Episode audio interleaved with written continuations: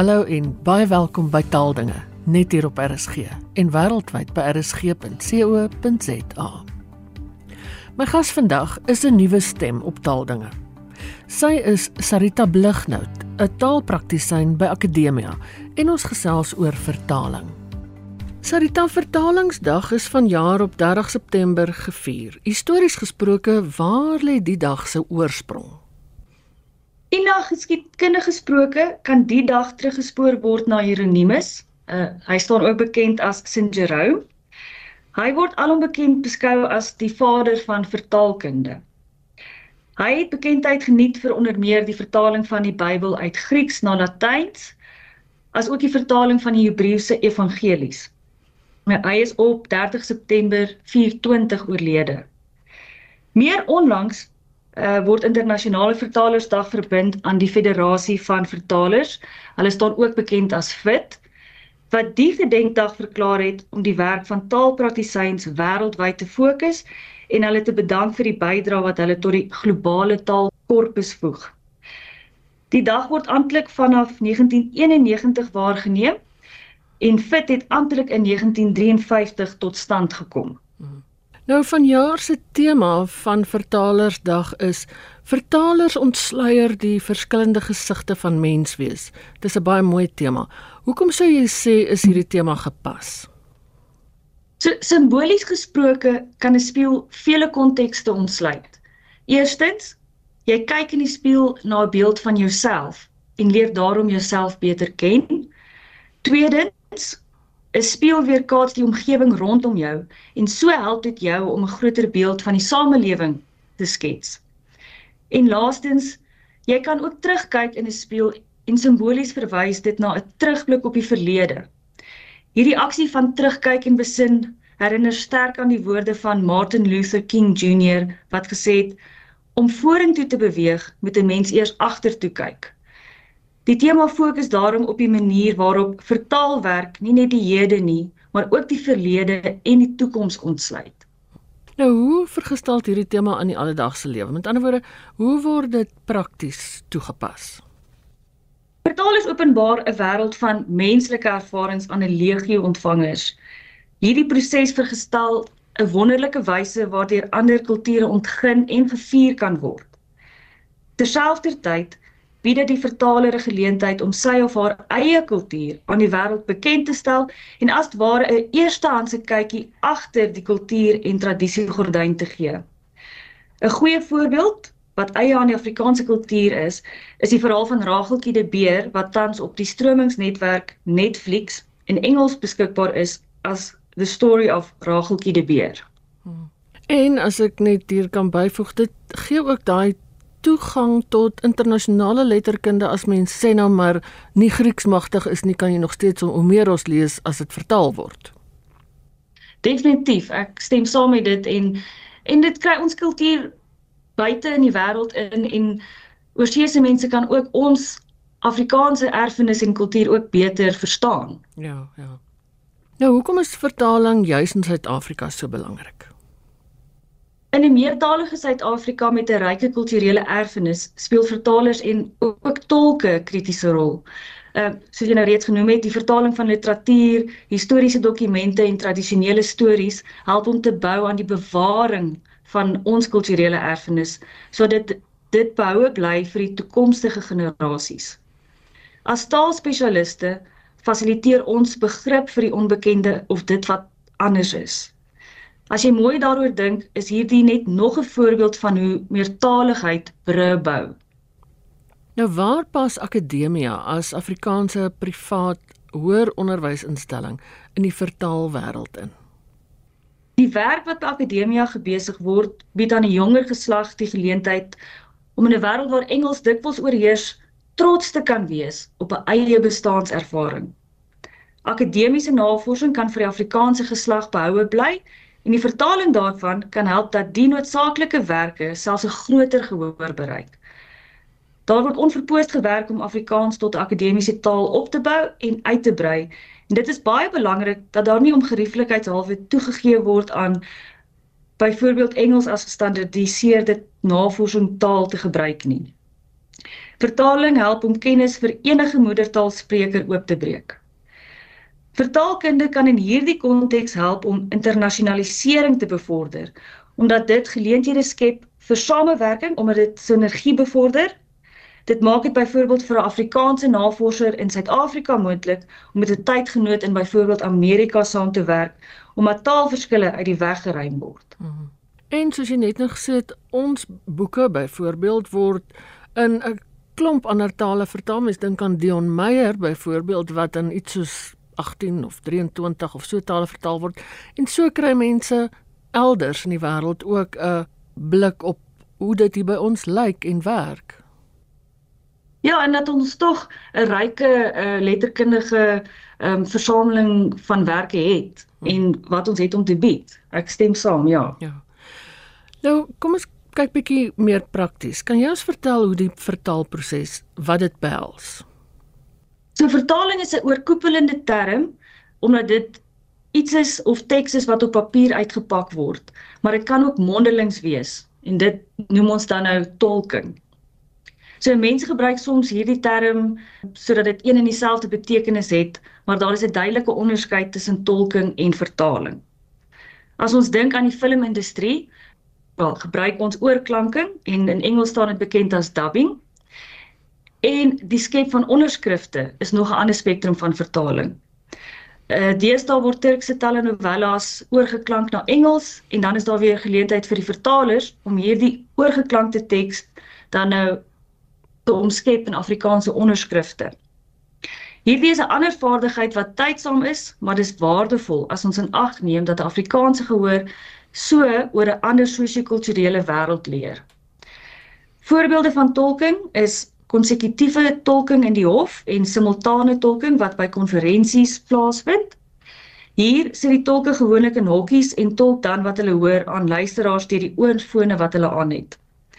Fluistertolking vind plaas wanneer die tolk deel vorm van die gehoor en dan fluister die tolk dit wat die spreker sê. Ander voorbeelde is opvoedkundige tolking, konferensietolking en dan ook skakeltolking. Tegnies gesproke behels vertaling meer as bloot goeie taalkennis. Dit bou voort op akademiese kundigheid, ervaring en die gebruik van gespesialiseerde bronne en rekenaarprogrammatuur. Hierdie programmatuur sluit onder meer in rekenaargesteunde vertalingsprogramme en wat ook bekend staan as RGV-stelsels. En hierdie stelsels um, is Wordfast, Otsumoto en Trados. As 'n spesialis rigting binne die geesteswetenskappe, verleen vertalers egter ook 'n menslike fokus. Dit wil sê vertaling geskied met denke en die hart. Omdat die mensdom die heeltyd in 'n wisselwerking is met mekaar, is dit nodig om ook op 'n humanistiese manier met taal om te gaan. Die bekende gesegde lui tog waar almal verdien 'n plekjie in die son. Hmm. Nou ek dink mens moet net ook sê vertaling is nie gewoon gewoon die vervanging van een woord met 'n ander nie. Daar's baie goed soos konteks en uh nuance en so wat ter sprake kom. Ja, definitief. Ehm um, vertaling het baie ver gekom van die uh, spesifieke woord vir woord vertaling. Ehm um, ja, mens gaan die boodskap in ag moet neem en ook jou gehoor. Wat is die gevoel wat jy by jou gehoor wil wek of die doel van die teks? Ehm um, en daarom gaan jy maar baie keer moet skryf en herskryf nadat jy vertaal het sodat jou gehoor nie voel asof hulle 'n vertaling lees nie maar tog 'n teks of uh, wat eie is of geskep is vir hulle. Ja, ja. Nou met die aanvang van kunsmatige intelligensie, Google Transfer en die Chat GPT. Sal hm. daar nog werk wees vir vertalers in die toekoms? Ek definitief die werk van 'n taalpraktisyn gaan dalk anders lyk, maar ek glo nie dat dit ooit sal wegval nie. So as jy dink in die era van die internet van dinge en kunsmatige intelligensie, sal die vertaalproses beslis beïnvloed word. Hierdie is egter nie noodwendig 'n negatiewe realiteit nie. Uh, as jy na Frank Ostermeel se navorsing oor die outomatisering van die vertaalproses kyk, is dit duidelik of hy skets vir ons waar die vertaler dan in hierdie proses sal inpas. So hy het vier fases identifiseer. Ehm uh, die eerste ene is dan nou tradisionele menslike vertaling. So dit sal 'n vertaling wees wat die vertaler geen elektroniese bronne gebruik nie. Hulle sal ehm um, nog met die hand vertaal. Ehm um, tweedens is daar masjiengesteende menslike vertaling. So hier is dit die vertaler wat dan nou verantwoordelik is om die vertaling te skep, maar hulle sal dan nou elektroniese woordeboeke gebruik, ehm ook ehm terminologie lyste, uh goeders wat die rekenaar vir hulle bied om die vertaalproses dan nou vinniger te maak en te vergemaklik en om ook te verseker dat ehm uh, die korrekte en dieselfde terminologie deurgaans gebruik word in 'n teks. Dan derdens praat hulle praat ons termeel van menslik gesteende masjienvertaling. Nou hier is dit waar die masjien meeste van die vertaalwerk sal doen en indien hy vashak en nie weet hoe om 'n woord te vertaal nie, sal hy dan nou aan die vertaler die geleentheid gee om die korrekte woord te kies. En dan wat die strewe was was volle masjienvertaling, maar in sy navorsing het hy agtergekom dit sal nie sommer gebeur ehm um, dat masjiene alles net so goed sal vertaal soos wat 'n vertaler kan nie. Want 'n masjien sukkel om idiome te vertaal, maar met tyd en verfyning kan 'n masjien dan nou aanleer wat die korrekte Afrikaanse ekwivalent vir 'n Engelse idioom is. Masjiene kan ook nie die konteks van 'n sin in ag neem nie en dit lei dan tot verdraaide en vreemde vertalings. So hier weer is 'n vertaler se hulp nodig om hierdie probleem dan nou vir die masjien of rekenaar op te los.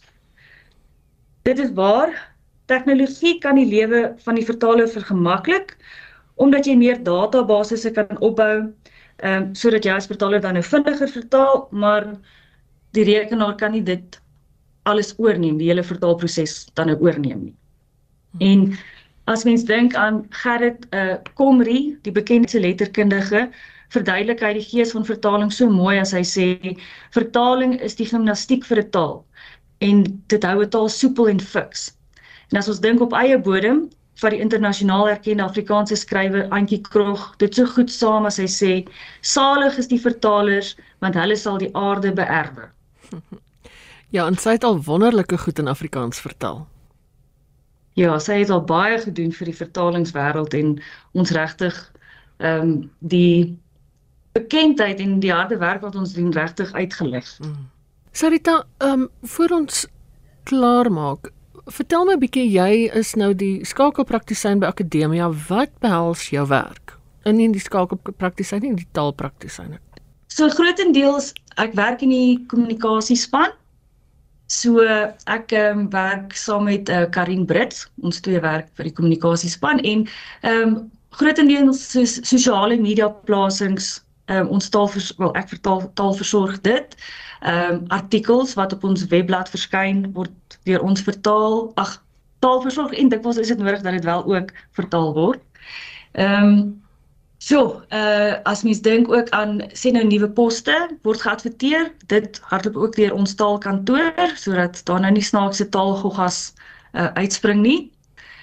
Ehm um, feitelik alle tekste en alle inligting en kommunikasie wat akademie uitstuur gaan deur ons taalkantoor. So ons probeer regtig om al die taalgoggas uit die weg te ruim ja. en 'n um, regtig 'n goeie Afrikaans 'n beeld van Afrikaans uh uit te stuur aan die publiek.